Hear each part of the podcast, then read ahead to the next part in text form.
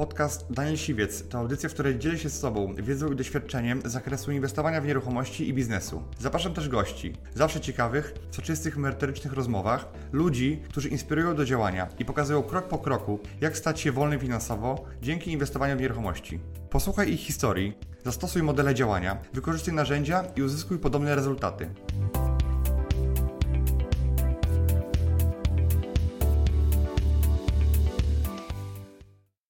Nie sądzę, żeby stopy procentowe były na takim poziomie, jak jest dzisiaj, więc e, no, będziemy mieć, słuchajcie, no tak się po prostu strzyże barany. No i szacuje się, że to jakby zwiększy popyt na kredyty o 10%. To jest sporo. Naprawdę mhm. sporo. Przy jakich parametrach się opłaca y, teraz zamienić y, kredyt ze zmiennymi na stałe, y, a, albo wziąć taki kredyt? Business Rider.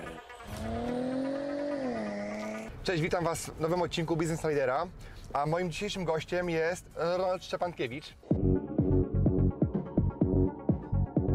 Piąteczka. Ronald jest ekspertem od kredytów, jest y, autorem książki Tajna bądź broń kredytobiorcy e, i już był dwukrotnie e, w tym kanale, natomiast bardzo dużo się dzieje na temat kredytów 100% e, rynku nieruchomości, więc postanowiłem nagrać dla Was taki odcinek specjalny, który będzie mówił o, ty, o kredytach.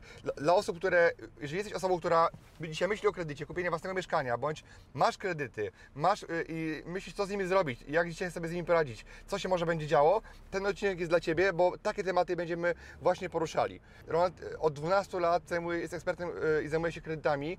E, tych kredytów udzielił już Miliard sto milionów. Dokładnie. E, to jest bardzo dużo i ma, ma wiedzę ekspercką. Często występuje na różnych wydarzeniach. Sam Ronalda zapraszałem na, na moje konferencje dotyczące właśnie nieruchomości, że powiedział o, o, o rynku, o kredytach. I dzisiaj będziemy się starali odpowiedzieć na, na, wiele pytań, które między innymi są od Was. I jakbyś mógł powiedzieć w dwóch słowach, jakby czym się, czym się zajmujesz zawodowo dzisiaj, jakby skąd ta Twoja ekspertyza jest? Okej, okay, no zajmuję się 12 lat kredytami, pomagam osobom takim jak Ty, mhm. między innymi, drogi słuchaczu, uzyskać finansowanie na zakup jej, znaczy zakup nieruchomości, tak? Czy to dla siebie, żeby tam zamieszkać, czy to w celach takich typowo inwestycyjnych. Mhm. Tak to wygląda w dużym skrócie. Okej.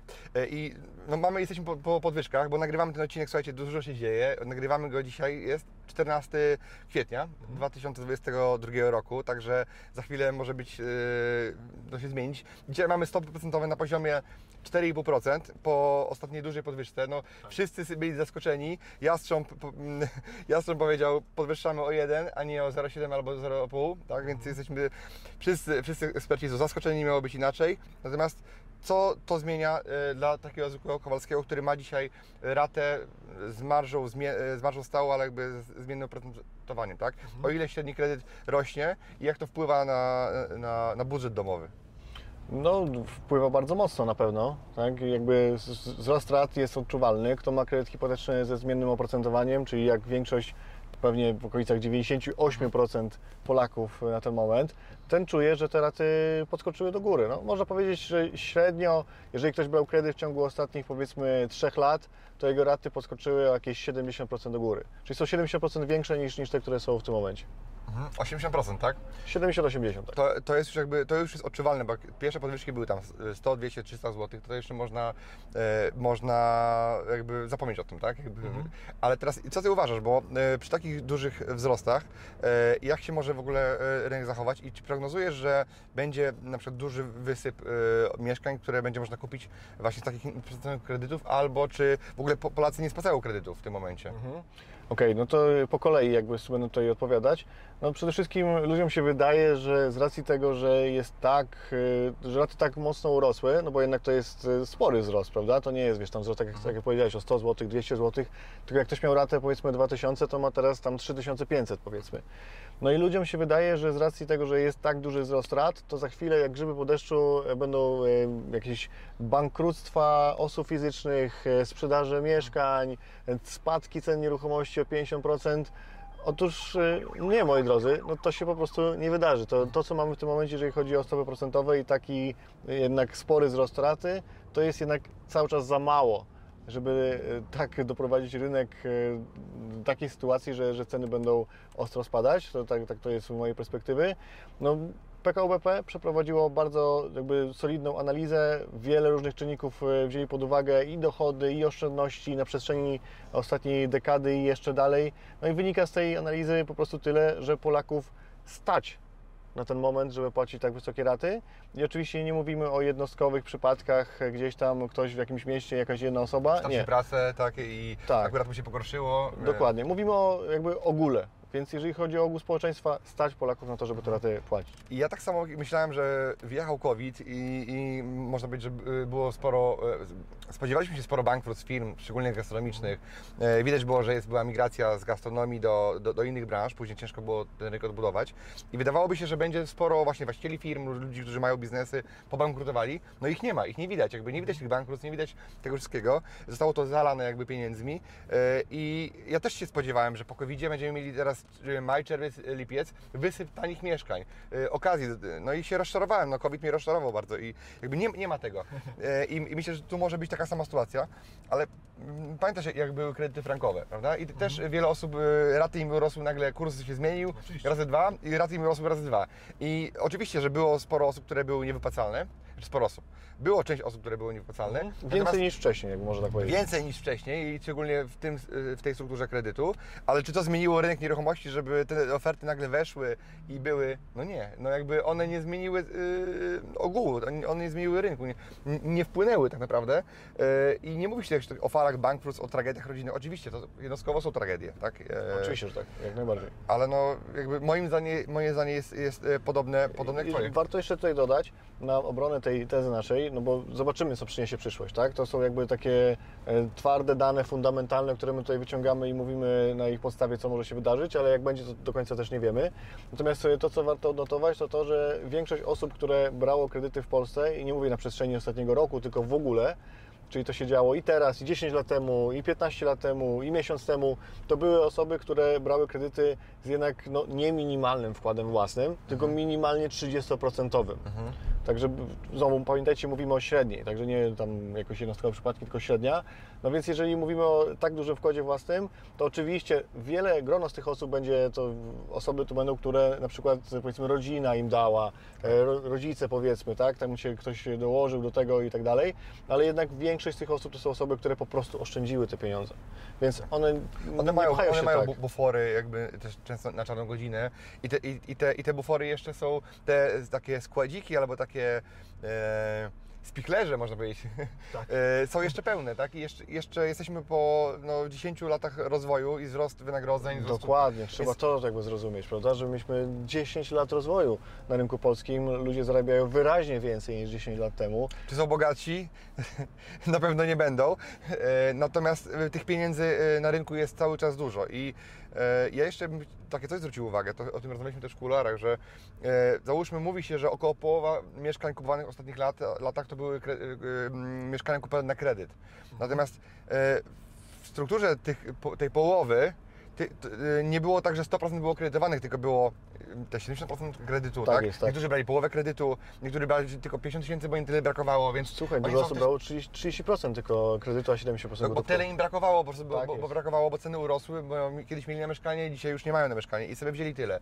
I teraz takie osoby w ogóle nie są zagrożone tym, bo one mają ratę, mm, na którą y, ich stać, więc musimy to wziąć pod uwagę. Ja jeszcze z- zwrócę uwagę na jedną rzecz, że rynek hipoteczny to jest rynek, który ma dopiero 20 kilka lat. Tak Zgadza się. naprawdę. W Polsce w A sensie. w Polsce, tak, no bo wiadomo, że yy, i wcześniej nie było tych produktów, mm, albo te produkty były bardzo drogie i niedostępne totalnie dla, dla ludzi i kupowało się mieszkania tylko i wyłącznie za gotówkę. Deweloperzy budowali za gotówkę e, ludzi, często bez ustawy deweloperskiej.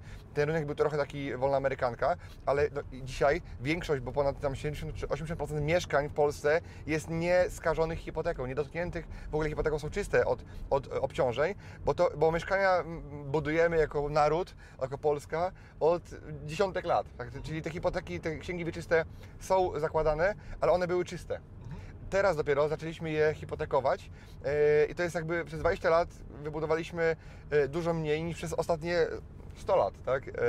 E, nieruchomości, więc e, może cały, cały rynek jest zakredytowany na 20-30% e, maksymalnie, a nie, nie wiem, jak w Stanach na 80 na przykład, tak? Czy tam, e, czy e, dużo wyższe, odwrotne wartości mamy. Tak, tak, tak, rozumiem to oczywiście. Więc jakby ja, ja też e, nie spodziewam się, nie mówię, żebym nie chciał, żeby jakieś okazje się pojawiły na rynku, No właśnie. ale no, te okazje tak. zawsze były, zawsze byli ludzie, którzy wpadli w pętę zadłużenia, nabrali kredytów, nabrali, nie wiem, biznes im nie poszedł. Czy jakieś inne w ogóle, tak. różne są koleje losy, prawda? I zawsze, zawsze jest. No, ja się dzisiaj no, nie, nie spodziewam, że.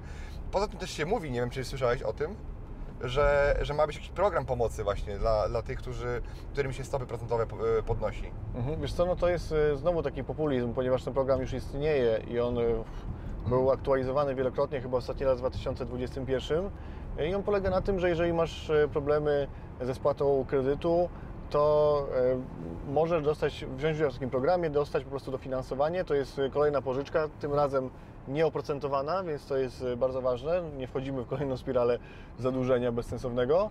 No i ona faktycznie jest doraźna, to jest jakby taka pomoc e, już jakby ostateczna, tak? Jest wiele innych sposobów po drodze, żeby sobie poradzić e, z, te- z tą ratą. Biznes Rider. Powiedz, mm, Ronald, czy to jest dobry moment, żeby brać kredyt hipoteczny?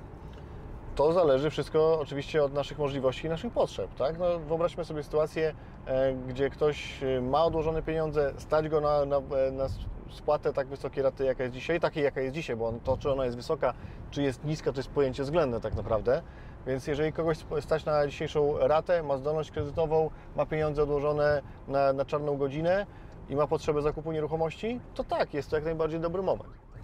A dlaczego to jest dobry moment? Bo, mm, czy dlatego, że, że marże mogą spadać? Albo spada, już spadły? Marże, czyli ten element y, oprocentowania Zysku dla banku, tak? Tak, tak. No, powiedzmy, marża jest stała, niezmienna przez cały okres kredytowania i jakby dobierając ofertę banku, czy to będzie bank A, czy bank B, to właśnie na tym się skupiamy, jeżeli szukamy tego, tej niskiej raty, czyli najniższa, jak najniższa marża. No i te marże są wyraźnie niższe niż y, te, które były powiedzmy jeszcze pół roku temu. Prosty przykład. Co by można było wskazywać na to, że jak były niskie stopy, to banki y, wiedzieli, że ludzi na to stać, to podwyższali marżę, która była na, na całe życie praktycznie. Tak. A dzisiaj, kiedy no nie, nie mają przestrzeni do tego, no to Obniżają muszą, marże. obniżają marże, bo muszą być konkurencyjni. Wiedzą, że ludzi nie będzie stać na, na wysokie marże. Tak jest. No, to jest troszeczkę tak jak powiedzmy na odwrót jak z akcjami. Akcje kupujemy jakichś y, powiedzmy spółek, kiedy one są nisko i mamy perspektywę, że, że będą wysoko. Z kredytami można powiedzieć jest troszeczkę na odwrót. Bierzemy wtedy, kiedy są y, Tak. drogie oprocentowania, ponieważ one za jakiś czas y, mogą Tak. spaść. I może być tak, że nie wiem, weźmiemy kredyt, ktoś wziął kredyt dwa lata temu e, z marżą załóżmy 2,5, a dzisiaj e, i dzisiaj ktoś weźmie e, mm, kredyt z marżą półtorej, e, załóżmy. e, 1,8, 1,7 na przykład, tak. no, to, to już jest... miejmy nadzieję, że one jeszcze zdarza. zlecą, e, a de facto będą mieli taką samą kwotę kredytu, a inne raty, tak? O, Mhm. o 1% e, albo tam o... Tak, to jest sporo, prawda? to, to, to jest sporo i jakby jak to się ustabilizuje, no to wygraną będą te osoby, które wezmą dzisiaj. My nikogo nie namawiamy na, na, na Dużo kredytu. na to wskazuje, że tak może być, tak? ponieważ oczywiście no nie wiemy, co przyniesie przyszłość. Tak, natomiast ta różnica, ta różnica będzie, więc e, to jest tak, takie było, taka wiecie, no dwa lata temu było nisko, ale no, mówiło się o tym, że stopy mogą urosnąć, chociażby NBP nie, nas okłamywał, mówiąc, Mhm. że, e, że, Że nie urosną że nie, stopy. niemożliwe, że to by było szkolnym błędem. Proponuję, żebyś na następnego Business Lidera wziął tutaj pana Adama Glapińskiego, niech, Tak. niech pogada. Nie wiem, wyda- wydaje mi się, że, że, że te, te, ten fotel może go parzyć, tak? Że myślę, że e, ogląda go więcej jego przeciwników niż zwolenników, dlatego, dlatego myślę, że, że, że niekoniecznie, tak? Mówi się o tym, że ci, którzy brali kredyt dwa lata temu, gdy WIBOR szorował dno, to są przegranymi. Ale to jaka to jest kompletna nieprawda. Ktoś, kto kupił wtedy mieszkanie, zarobił i to sporo na wzroście Tak, tak, tak. nieruchomości. Że oczywiście, że y, rata jest droższa, natomiast wartość jego majątku y, urosła, czyli on y, za pieniądze banku, na koszt banku, można powiedzieć, że skorzystał z rosnącego rynku nieruchomości, tak? Czyli Tak jest. dlatego jakby, jakby to mieszkanie sprzedał, y, de facto to, to zyska na tym dużo więcej niż ten, który dzisiaj weźmie kredyt z, niższą marżą, ale za wyższą kwotę wartości Dokładnie mieszkania. Tak. No i teraz może się okazać, powiedzmy, że ktoś, jeżeli kupi mieszkanie w celach inwestycyjnych, na przykład będzie chciał je wynajmować e, lub czysto spekulacyjnie, no to będzie miał kilka scenariuszy. Albo ceny zostaną w miejscu, albo spadną, no to może dokupić następne po niższej cenie, albo wzrosną, no to jego, no każdy z, z tych scenariuszy ma, ma coś dobrego do zaoferowania. Jeżeli ktoś jest inwestorem, e, to już bez względu na to, czy kupuje w kredycie, czy kupuje za gotówkę, to każdy moment rynku daje zarobić, no po prostu. Okej, a wyobraź- sobie sytuację, że masz przyjaciela, który ma kredyt i te raty są coraz wyższe do niego, dociskają go, to co byś mu poradził? Że widzisz, że już generalnie dochodzi do korka, tak, podkorek już jest jakby, może nie zakredytowany, ale raty rosną i zjadają jego y, wynagrodzenie tak naprawdę. I co byś mu radził, żeby, co, jakie ma opcje y, wyplątania się z tej sytuacji, żeby, żeby wyszedł, obronną ręką? Dobrze, no to jakby tak mówiąc zupełnie serio, to przejrzałbym przede wszystkim jego wydatki na początek, bo często się okazuje, że większość ludzi nie pisze swoich wydatków, nie analizuje przychody, koszty miesięcznie, żyje tak po prostu na czuja i później się okazuje, że nie starsza do pierwszego, niekoniecznie z tego powodu, że raty wzrosły, chociaż to ma też duży wpływ, ale może dlatego, bo ktoś wydaje dużo pieniędzy w jakimś, jakieś wydatki, których w ogóle nie ma pojęcia. Więc to jest y, tak, y, mówię zupełnie serio, to się tak często zdarza, że, że warto od tego zacząć. Natomiast jeżeli ktoś faktycznie rozumie, na co idą te wydatki i mu nie starcza, no to rozwiązań jest kilka. No przede wszystkim e, możliwy scenariusz to wydłużenie okresu kredytowania, tak? Spadnie nam rata. No powiedzmy o, o kilka, kilkanaście procent, w zależności od tego, jaki mamy okres kredytowania, ile nam jeszcze pozostało tego, e, tego kryzysu, spadł i tak dalej, i tak dalej. To, I to czy jest tutaj jest badana zdolność kredytową, y, kredytowa przy wydłużeniu? Niekoniecznie powinna być, ale może być, tak? To jest, y, to zależy od banku. Nie, nie będę mówił, że, że tak jest, bo po prostu może tak być, tak? okej. Y, Mogę Mo, może być, że bank sprawdzi mu jeszcze raz zdolność kredytową. No, z, z innych jakby tutaj y, rzeczy, no, co, co nam tutaj zostaje? Jeżeli ktoś ma możliwość nadpłaty tego kredytu, no to to też y, spowoduje, że, że ta rata spadnie, no bo kapitał będzie mniejszy do oddania. E, Możemy za, za, zamrozić stopy procentowe na okresy od 5 do 10 lat, czyli ok, rata nie spadnie, ale też nie wzrośnie, co, co też jest e, ciekawym rozwiązaniem. Na pewno o tym porozmawiamy dzisiaj, przecież do tego jeszcze wrócimy. No, możliwości jest sporo, natomiast no jest jeszcze przecież sprzedaż mieszkania, no to jak gdzieś na samym końcu, tak, no bo z różnych względów ludzie tego nie chcą robić. Mhm. Ja też bym tego nie rekomendował, bo, bo tak naprawdę e, jesteśmy, mamy dzisiaj kredyt, nie wiadomo czego jutro dos- dostalibyśmy dzisiaj e, i wszyscy, trzeba korzystać ze wszystkich innych alternatyw, zanim to mieszkanie sprzedamy. No chyba, że ich mamy dużo i nie mieszkamy tam, no i tak naprawdę tak, na przykład chcemy czuć się bezpiecznie i chcemy jakby mieć, mie, mieć z tym, e, ale moim zdaniem jakby lepiej mieć, zachować wartość pieniądza e, w majątku, który finansuje Ci bank e, po oprocentowaniu niższym niż wartość in- inflacji No dokładnie. ni- niż, bo i tak jesteśmy do przodu, bo gdyby stopy były 10%, a inflacja byłaby 5%, no to wtedy byśmy byli w plecy, tak? Ale no ogóle- raczej... Ale wiesz, to też warto wspomnieć, bo ludzie tego nie rozumieją.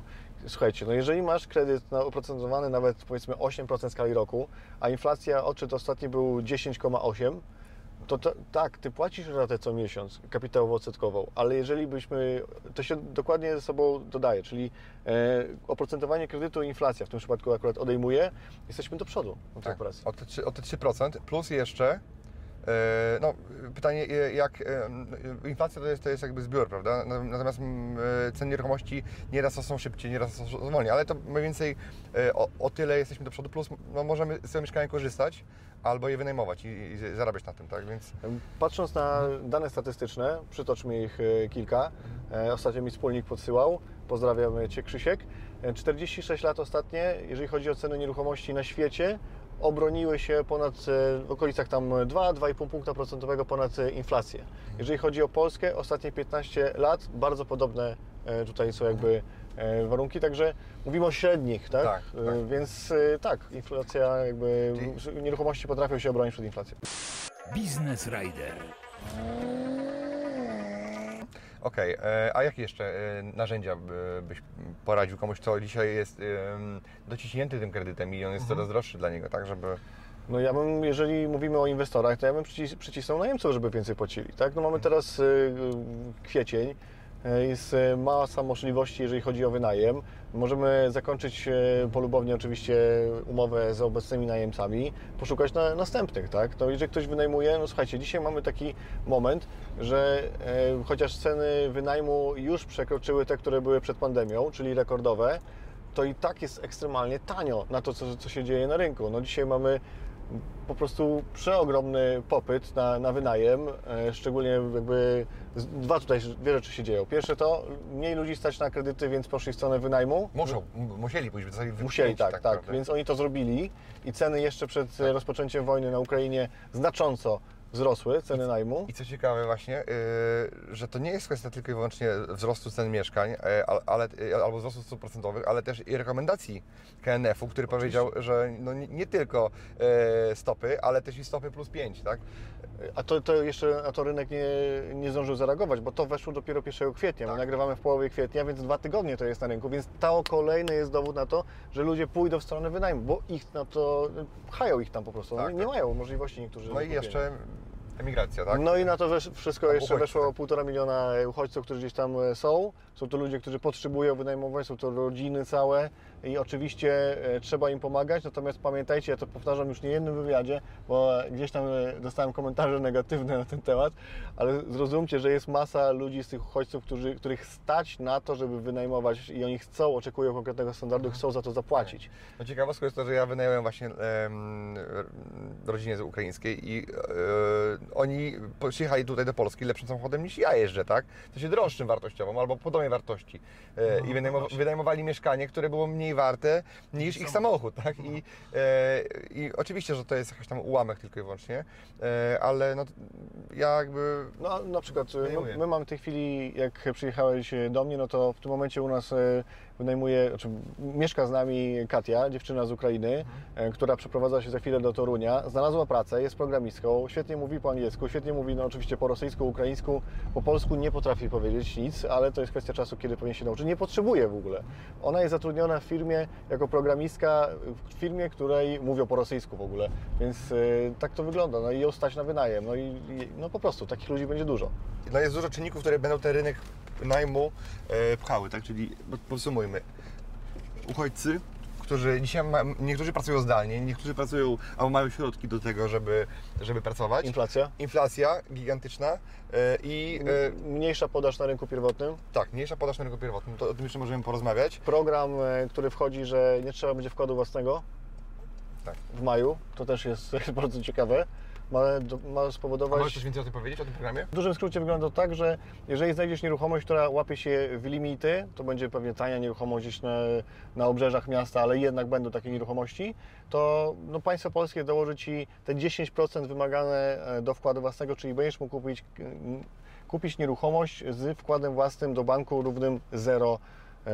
Tak? Także no, to jest e, bardzo duży game changer. Oczywiście wszystko zależy od tych wskaźników, no bo pytanie, jakie nieruchomości się załapią na, No na, te, te- na te dopłaty. Pewnie te deweloperskie i pewnie te najtańsze, tak? No bo państwo nie, nie będzie dopłacało Tak, do no bo to też jest pomoc właśnie dla tych ludzi, których nie stać e, do tej Tak, pory, tak, bo nie tak. mogli zebrać tych e, z różnych, różnych względów. No i szacuje się, że to jakby zwiększy popyt na kredyty o 10%. To jest sporo, naprawdę sporo. Tak? No właśnie, bo popyt na kredyty e, dzisiaj spadł e, przez to, że właśnie jest mniejsza dostępność, jest większa niepewność. E, żyjemy w Rekomendacje KNF. tak, rekomendacji KNF i jakby ten popyt spadł. I jak to wygląda o ilość wniosków kredytowych? Ile było w tamtym roku, ile było w tamtym kwartale, a ile jest e, w tym, e, w tym, w tym roku? Okej, więc y, trzeba zrozumieć, że zeszły rok, 2021, to był rok rekordowy nie tylko na rynku nieruchomości, ale też hipotek. No, no oczywiście one są ze sobą bardzo mocno powiązane. Natomiast e, gdzieś pod koniec roku, w październiku była pierwsza podwyżka stóp procentowych i od tamtej pory widać taki e, delikatne jakby Hamowanie. hamowanie rynku e, hipotek w Polsce. No im bardziej stopy podnoszą, tym wcale to się jakby nie rozpędza, po prostu idzie tak coraz ten popyt jest mniejszy. No i dno takie, jeżeli chodzi o popyt na kredyty, osiągnęliśmy gdzieś można powiedzieć w lutym 2022. W marcu było gigantyczne odbicie. Anomalia można powiedzieć, ponieważ od 1 kwietnia wchodziła nowa rekomendacja KNF. y, I wszyscy chcieli się wyrobić, tak? chcieli się wyrobić, więc pewnie kwiecień będzie znowu słaby, no bo wiesz, wyssało trochę tych ludzi z kwietnia, poszli w marcu, złożyli wnioski.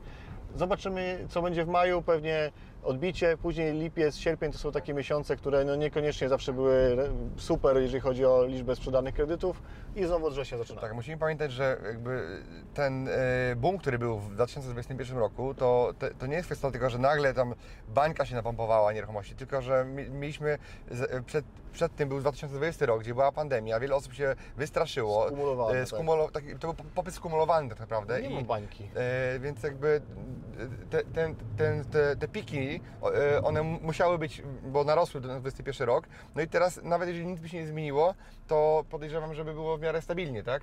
E, a teraz są czynniki, które zmniejszają jakby to zapotrzebowanie na te kredyty. I moim zdaniem, jako inwestora, który jest na tym rynku, to lepiej, bo to, co się działo, te wzrosty cen, które były były jeszcze w miarę akceptowalne dla mnie, e, ale były, e, starały, stały się coraz bardziej niebezpieczne. Oczywiście niebezpieczne są wtedy, kiedy mamy wzrost rzędu 5-10% w skali miesiąca, a nie w skali roku, e, bo jeżeli nam urosły ceny o 12-15%, to, to, to jeszcze jest do przeżycia. To, to, to jeszcze może się obronić, jeżeli za tym są fundamenty pod tytułem inflacja, takie właśnie otoczenie inflacyjne typu skumulowany popyt, który się wstrzymał w ostatnim czasie i tak dalej, i tak dalej. E, Dlatego Dopowiem coś. 2006 rok. E, Wpisałem sobie w internecie ceny nieruchomości 2006 rok. Są jeszcze artykuły, można spokojnie odnaleźć je. I powiedzmy, były tam takie teksty, że podsumowywali, podsumowywali kwartał 2006 roku. I Warszawa, pierwszy kwartał 2006, wzrost cen transakcyjnych nieruchomości 18%. tak, Kwartał. Drugi kwartał 15%. Trzeci kwartał coś znowu około 8 i czwarty znowu naście procent. W jeden rok mówimy. Czy my mieliśmy takie wzrosty kwartalnie? Nie mieliśmy. roczne tak naprawdę, więc Tak, jesteśmy... nie, według mnie nie, był, nie było bańki. Są fundamenty ku temu, żeby te ceny tak po prostu rosły i są fundamenty dalej, żeby rosły. No zobaczymy, co przyniesie przyszłość. Tak, oczywiście nie jesteśmy tutaj, wiecie, nie znamy, nie mamy szklanej kuli, natomiast e, więcej jest na tak, żeby ceny rosły. Popyt oczywiście może gdzieś tam e, wyhamować, ale on nie spadnie do zera. To też e, trzeba mieć na uwadze. Nastawiamy się raczej na wzrosty. Bo ludzie cały czas y, jakby muszą kupować mieszkania. Y, nie mówię, że w takiej skali jak dzisiaj, ale, ale muszą gdzieś mieszkać, y, rozwodzą się, y, rodzą się dzieci, powiększają się rodziny, więc ta płynność cały czas będzie. Ona może być mniejsza, może być większa, ale płynność na tym rynku no, cały czas będzie, tak? I choćby minimalna. No zobacz, y, półtora miliona Ukraińców, niech, niech kilka procent tylko kupi, powiedzmy Mhm. 1%, 2%, to już mamy kilkadziesiąt tysięcy Ale w transakcji. 2020 roku 2000 mieszkań kupili Ukraińcy w Polsce. A PKO y, szacuje, że w ciągu kilku lat Ukraińcy kupią 230 tysięcy mieszkań. Czyli to jest tyle mniej więcej, ile budujemy w ciągu roku. W roku, tak. Tak, więc jakby to... W rekordowym to, roku. To jest właśnie, to jest, po- pokazuje, że tam są pieniądze, oni często zostanie, często się osiedli. Tak jest. E, I, no, I teraz ja sobie uświadomiłem taką jedną rzecz, e, że państwo nasze, i teraz nie krytykując ani nie oceniając, czy to będzie dobrze, czy źle, to, to, to życie pokaże. E, Ciężko mi teraz to ocenić. Natomiast robi wszystko, żeby ci uchodźcy, zanim tutaj zostali i się zakorzenili. Zobaczcie, od razu zaczęli wydawać im PESEL-e. Wpuszczają bez żadnych, e, bez żadnych szczepionek, bez żadnych e, testów, bez nic- niczego, gdzie my jako Polacy musieliśmy to mieć, tak? Bardzo Bierze- bierze- ułatwienie. e, bardzo duże ułatwienia, plus dodatkowo otwarcie szkół i wypchnięcie prawie że na siłę tych ludzi e, do polskich szkół. No bo jeżeli ja bym był uchodźcą i ja bym e, chciał pojechać na miesiąc, na dwa, na trzy, żeby się sytuacja unormowała, to bym ostatnią rzecz, którą robił, to bym wpychał, nie wiem, e, dziecko do jakiejś e, zagranicznej szkoły i je stresował. A tutaj mamy od razu na dzień dobry 70 tysięcy dzieci do polskich szkół. I gdyby oni mieli wrócić, to by nikt ich tam nie wysyłał. Prawda? Więc jakby to pokazuje, że nastawienie jest takie, może jest jakiś tym interes gospodarczy. E, tak jakby moja intuicja po, po, mówi mi, że raczej na tym e, zyskamy jako, jako państwo, bo to, jest, to, są, to są często młodzi ludzie, którzy mają kompetencje e, i mogą się tu asymilować e, razem z nami. Według mnie ta dekada, którą jeszcze no, ma- mamy przed sobą, to jest dopiero 2022, to będzie dekada, która będzie bardzo duży, towarzyszyć nam będzie bardzo duży wzrost, jeżeli chodzi o PKB Polski. To będzie coś niesamowitego.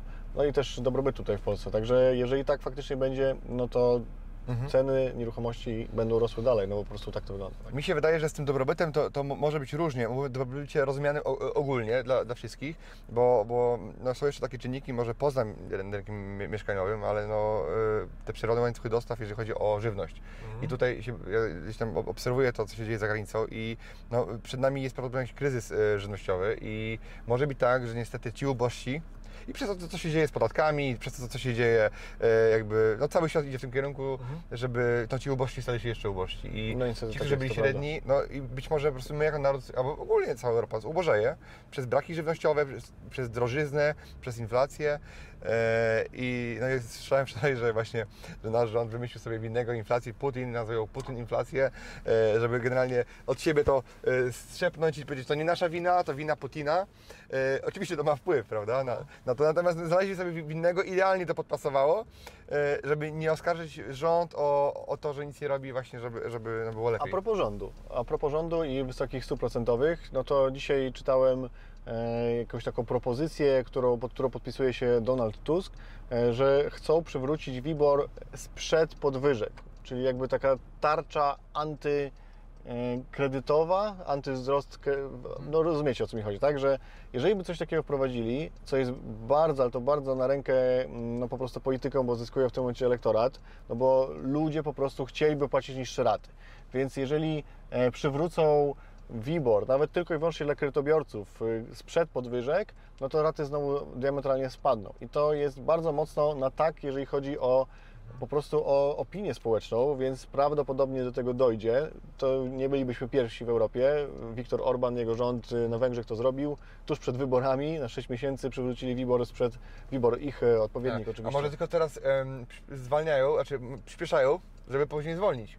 Czyli, czyli No rozumiem, co Ci chodzi, tak, że nagle będą tymi, Tak, e, tak, którzy tak. Uchronili. podwyższą po to, żeby, żeby powiedzieli musieliśmy, ale my jako dobry rząd tutaj dla Kowalskich, a szczególnie beneficjentów i, Mhm. i generalnie osoby starsze i, i generalnie e, gorzej sytuowane, Wam tutaj e, zrobimy bonus, promocję i dla Was będą inne warunki niż dla rynku finansowego, niż dla firm, niż dla wszystkich innych. Znaczy, pewne jest to, że w tą stronę to idzie. To jest teraz taki temat hot, e, będzie o tym wszędzie mówione, więc opinia publiczna będzie coraz bardziej świadoma tego, co się dzieje, coraz bardziej będzie się domagać, ponieważ e, wszystkie te e, jakby wywody polityków mówią, że to nie wasza wina, że wy zostaliście oszukani, że jednak te raty wzrosły i tak dalej. Słuchaj, ponieważ ja u siebie też prowadzę kanał e, na YouTubie związany z kredytami hipotecznymi, to moim obowiązkiem jest, żebyśmy pogadali chwilę jeszcze o kredytach ze stałym oprocentowaniem. No właśnie, mi- miałem też o to zapytać. Zapytać właśnie o, o, o te kredyty. Jak można je dostać? Czy one się opłacają? Czy są. E, to jest dobry deal, żeby dzisiaj wziąć taki kredyt e, i co z osobami, które mają już dzisiaj kredyty właśnie z, ze zmiennymi stopami, e, czy tam e, z, z Dobrze. zmiennym oprocentowaniem. Więc y, słuchajcie, no teraz jest dzisiaj jest taka propaganda na rynku, że kredyty ze stałym oprocentowaniem to jest, są jedyne te słuszne rozwiązania. I ja bym chciał, żebyście zrozumieli, że tak y, nie do końca może być. To jest jakby pierwsza rzecz. My to nagrywamy w połowie kwietnia, wy to oglądacie troszeczkę później, więc y, prawdopodobnie w momencie, kiedy oglądacie y, oprocentowania kredytów, stałe oprocentowanie dla kredytów hipotecznych już y, dobija w okolicach 9% w skali roku. I teraz, e, jeżeli e, ktoś zaciągnie tego typu kredyt, e, zamrozi swój, swoje oprocentowanie na 9% w skali roku na najbliższe 5 lat, to według mnie taka osoba straci, ponieważ średnie oprocentowanie kredytu w najbliższe 5 lat prawdopodobnie mówię, nie znam przyszłości, będzie poniżej 9%. Czyli tak, zobaczcie, jeżeli ktoś dzisiaj zamrozi na 9%, e, na 5 lat, a niektórzy mrożą na 10 lat, no to w perspektywie 10 lat nie sądzę, żeby stopy procentowe były na takim poziomie, jak jest dzisiaj, więc e, no będziemy mieć, słuchajcie, no tak się po prostu strzyże barany. Dzisiaj banki mówią, bierzcie kredyty hipoteczne ze stałym oprocentowaniem i ludzie są namówieni, biorą, biorą, biorą. Za chwilę WIBOR spadnie, banki przyjdą i powiedzą, "Ma- hello, mamy lepsze oprocentowanie zmienne, na niższej oprocentowaniu, ale z wyższą marżą. Mhm, tak. Bo, bo banki, y, bo na czym zarabiają banki? Na, na marży, bo, bo WIBOR to jest jakby koszt, y, koszt, y, po którym bank bierze pieniądze i mu, mu, Pożycza od innego banku, tak? Tak, od Mhm. innego banku. A marża to jest to, na czym zarabia bezpośrednio na nas, Tak, nie? tak, czyli taka prowizja jakby, tak, czy tam, czy tam zysk. Prowizja co miesiąc powiedzmy.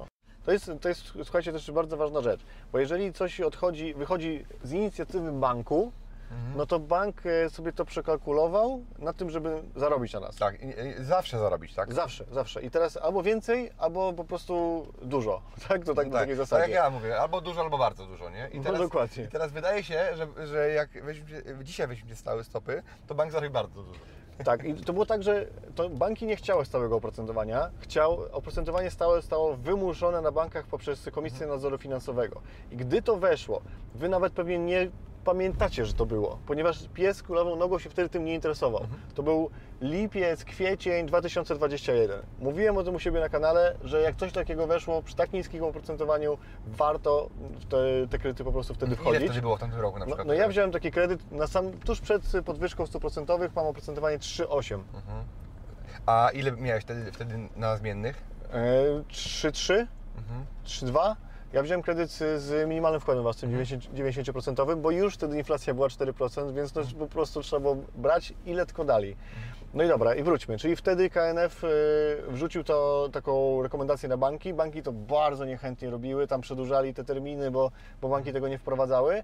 I to był sygnał, że, że warto było to rozważyć. Ale dzisiaj jest już odwrotna sytuacja. Dzisiaj już kredyty ze- stałym oprocentowaniem są praktycznie po takim samym koszcie zaciągane jak kredyty ze zmiennym oprocentowaniem. I to może być sygnał. Właśnie, że Mhm. Że banki, banki wiedzą więcej. banki wiedzą więcej. Wiedzą tak. więcej i wiedzą, że e, już e, być może te stopy nie pójdą do góry, albo wręcz, e, wręcz e, się zmniejszą. I teraz okej, czyli Ty nie rekomendujesz, żeby dzisiaj e, zamieniać kredyt ze zmienną na stałą? Bo tutaj momencik, zatrzymam się. To nie jest tak, że ja jestem przeciwnikiem stałych lub zwolennikiem zmiennych. Nie, to, to jest indywidualne podejście. Dla jednych to ma sens, dla innych niekoniecznie, tak? Więc y, nie ma jednoznacznej odpowiedzi. Okej, no to załóżmy, przy jakich parametrach się opłaca e, teraz zamienić e, kredyt ze zmiennymi na stałe, a, albo wziąć taki kredyt? Dobra, jeden przykład, kiedy się opłaca, jeden przykład, kiedy się nie opłaca. Okej, no. Pierwszy przykład, kiedy się opłaca, mówiliśmy o ludziach, którzy mogą mieć za chwilę problemy z płynnością, więc Mhm. nie, ale dzisiaj jeszcze tego problemu nie mają. Więc niech dzisiaj mrożą ten, tę stopę procentową i po prostu mają z głowy. Raty pójdą do góry, Oni nie stoją w miejscu, oni tak? stoją w miejscu, im się budżet spina. To jest e, na Okej, plus. Dobrze, i teraz, e, no dobra, no to... to, to A na minus? E, Na minus e, prosty przykład. Inwestor w nieruchomości kupił 7 mieszkań. Dzisiaj powiedzmy ma zdolność kredytową, ponieważ ona jest wyśrubowana, dużo płaci, podatków, żeby była ta zdolność, żeby móc kupować kolejne mieszkania.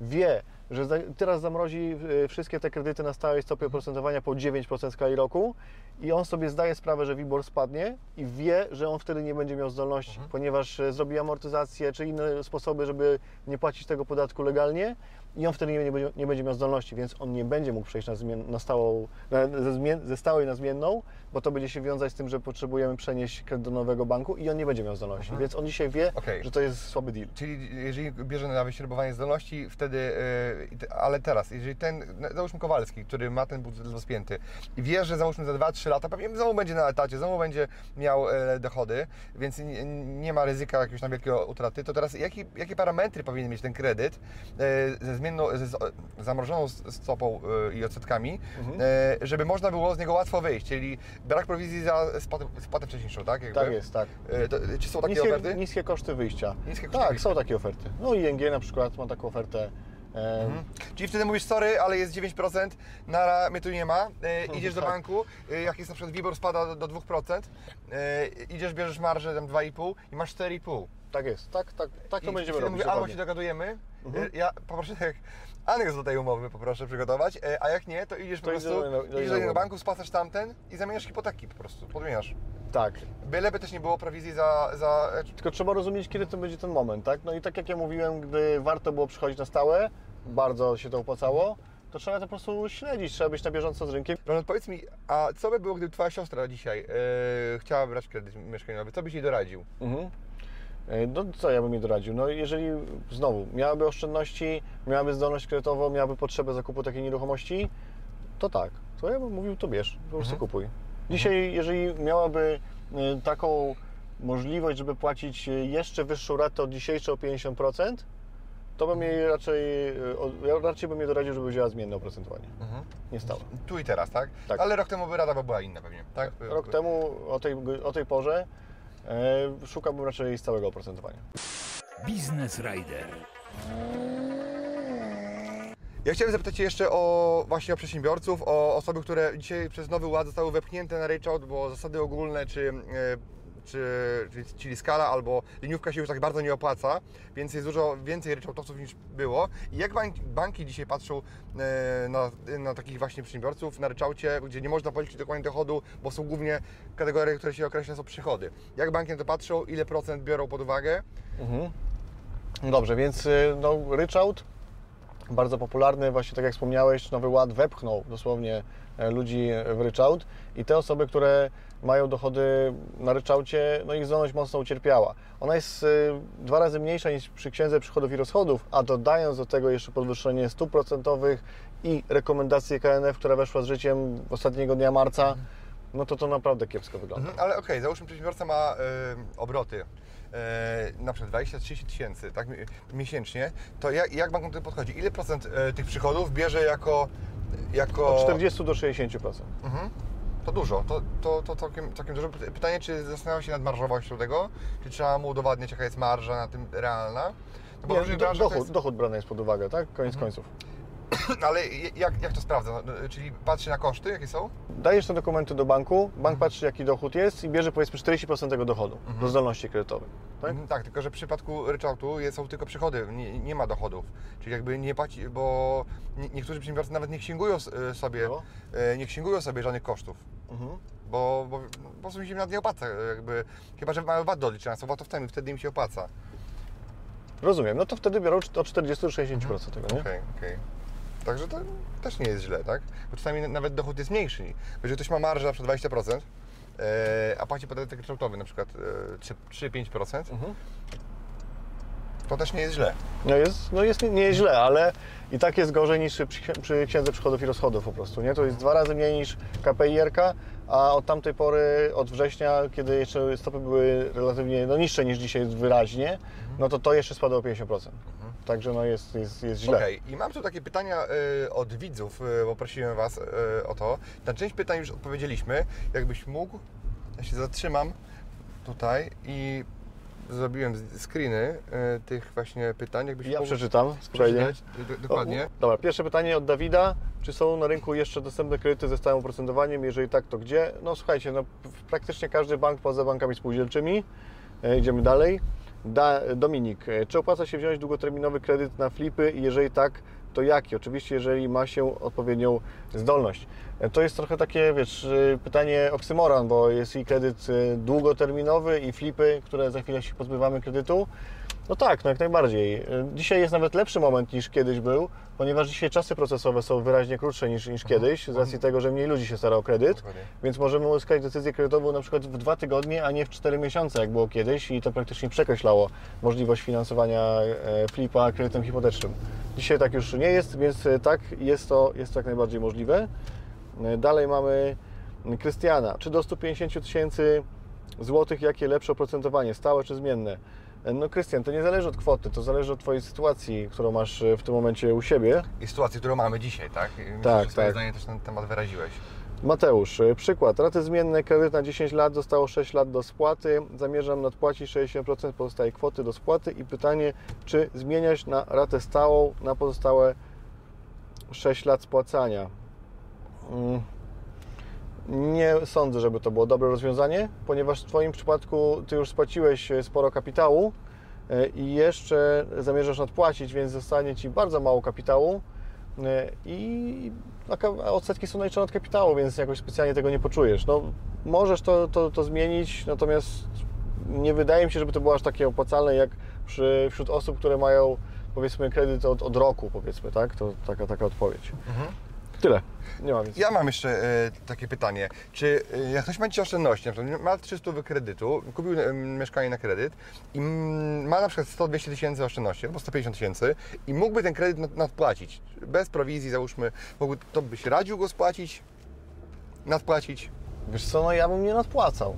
No ale to znowu zależy od, od osoby. No i nie nadpłacałbym, ponieważ inflacja jest tak wysoka, że, że nie robiłbym tego. Tak. Pytanie, w co ta osoba może zainwestować te pieniądze jeszcze, nie? Dokładnie, czyli os- dla osób, które mają możliwości inwestycyjne, czyli na przykład są moimi absolwentami, robią flipy, kupują tym, za te pieniądze mogą kupić mieszkanie, albo z kimś się złożyć kupić mieszkanie i zarobi na tym paręnaście czy parędziesiąt procent y, na takim flipie. No to w takim wypadku to w To, ogóle to, nie to w ogóle, więc ja bym radził Ci pomyśl, co możesz zrobić, żeby te pieniądze zainwestować. Nawet możesz zainwestować z innym fliperem. Nie musisz być fliperem, tylko na przykład na mojej grupie są osoby, które tylko się zajmują finansowaniem innych fliperów Mhm. y, i z tego żyją, tak naprawdę żyją ze swojego kapitału, gdzie dzielą się kapitałem na y, transparentnych zasadach i im się bardziej to opłaca niż y, nadpłacanie kredytu i nie wiem, płacenie o 7% y, mniejsze odsetki, kiedy no ich pieniądz traci Mhm, więcej. Także- Dokładnie tak samo uważam. Jeżeli masz możliwość zainwestowania tych pieniędzy na wyższą stopę zwrotu niż kredyt, no to nie ma tutaj Poza tym y, to, Dylematu. czasy są dzisiaj niepewne, nie wiadomo co jeszcze się wydarzy y, i lepiej mieć gotówkę y, na, na, jakby na czarną godzinę niż jej nie gotów, mieć po prostu. gotówka rządzi po prostu. Tak, więc za, zawsze trzeba mieć jakąś poduszkę finansową, niezależnie od tego ile kosztuje pieniądz, ile jest inflacja i tak dalej. Trzeba mieć po prostu środki operacyjne na, na, na różne ruchy. Ronald, jakbyśmy mogli takie podsumowanie zrobić, e, bo dużo powiedzieliśmy e, w, w, tym, w tym odcinku, jakbyśmy mogli to podsumować, e, jakby tak, żeby osoby, które nas oglądają, miały, miały to podsumowane. Tak? Podsumowanie. E, Stopy procentowe są wysoko, będą jeszcze wyżej, tak na to wszystko wskazuje. E, Stałe oprocentowanie za chwilę będzie w okolicach 9% w skali roku. Według mnie mam taką predykcję, że w ciągu najbliższych 5 lat one będzie niższe niż dzisiaj, więc jeżeli ktoś nie zareaguje w odpowiednim momencie, no to, to na tym rozwiązaniu długoterminowo e, straci. Idąc dalej, dzisiaj kredyty hipoteczne dalej są oprocentowane wyraźnie poniżej inflacji. Mówimy wyraźnie w okolicach powiedzmy 2-3 punktów procentowych. To jest naprawdę sporo. Zdolność kredytowa dzisiaj y, Polaków, zdolność y, mocno no, jakby została obniżona, więc bardzo ważne jest to, z kim współpracujecie, jeżeli chodzi o zdobycie kredytu. Ta osoba musi znać rynek, wiedzieć, co banki lubią, czego nie lubią, jakie Wy macie dochody, jakie są mocne strony Waszych dochodów, jakie są słabe y, i, i pod to po prostu grać. Także ważne jest, z kim współpracujecie. Jeżeli ktoś e, dzisiaj chce kupić nieruchomość, no to pamiętajcie o tym, jeszcze raz powtórzę, że ceny wzrosną, więc e, nie ma opcji pchania się pod kredyt, e, pod sam korek jak, jak kamikadze. Nigdy tego nie proponowaliśmy i nie będziemy proponować. Aczkolwiek jeżeli ktoś ma potrzebę, ma możliwości, akceptuje wysokie raty, ma dłużone pieniądze, to tak jest to dalej dobry moment na zakup nieruchomości, czy to dla siebie, czy też po prostu w celach inwestycyjnych, ponieważ bardzo dużo wskazuje na to, że ceny nieruchomości dalej będą rosły. Dzięki wielkie za, za to spotkanie, za, za to, to, że zgodziłeś się e, podzielić swoją wiedzą. E, Gdzie można Cię znaleźć? Jakby, jakby ktoś chciał, bo wiem, że też masz swój kanał na YouTubie e, i tam dzielisz się wiedzą z tematu właśnie kredytów, ty, ty wszystkiego to jest dookoła właśnie. I gdzie można Cię znaleźć? YouTube, mój kanał nazywa się Ronald Szczepankiewicz, to chyba najprostsza droga, tam, tam mnie znajdziecie. Okej, super. Dzięki wielkie, piątka. Cześć. Jeżeli mielibyście jakiś pomysł, kogo zaprosić do Business Ridera, napiszcie w komentarzu poniżej, kogo byście chcieli i o czym po- porozmawiać w ramach tego formatu. Także dzięki, że byliście razem z nami i trzymajcie się, cześć. Dziękuję Ci, że wysłuchałeś do końca. Jeśli ten podcast był dla Ciebie interesujący, zapraszam do słuchania kolejnych odcinków. A jeśli chcesz jako pierwszy otrzymywać powiadomienia o nowych odcinkach, subskrybuj mój podcast.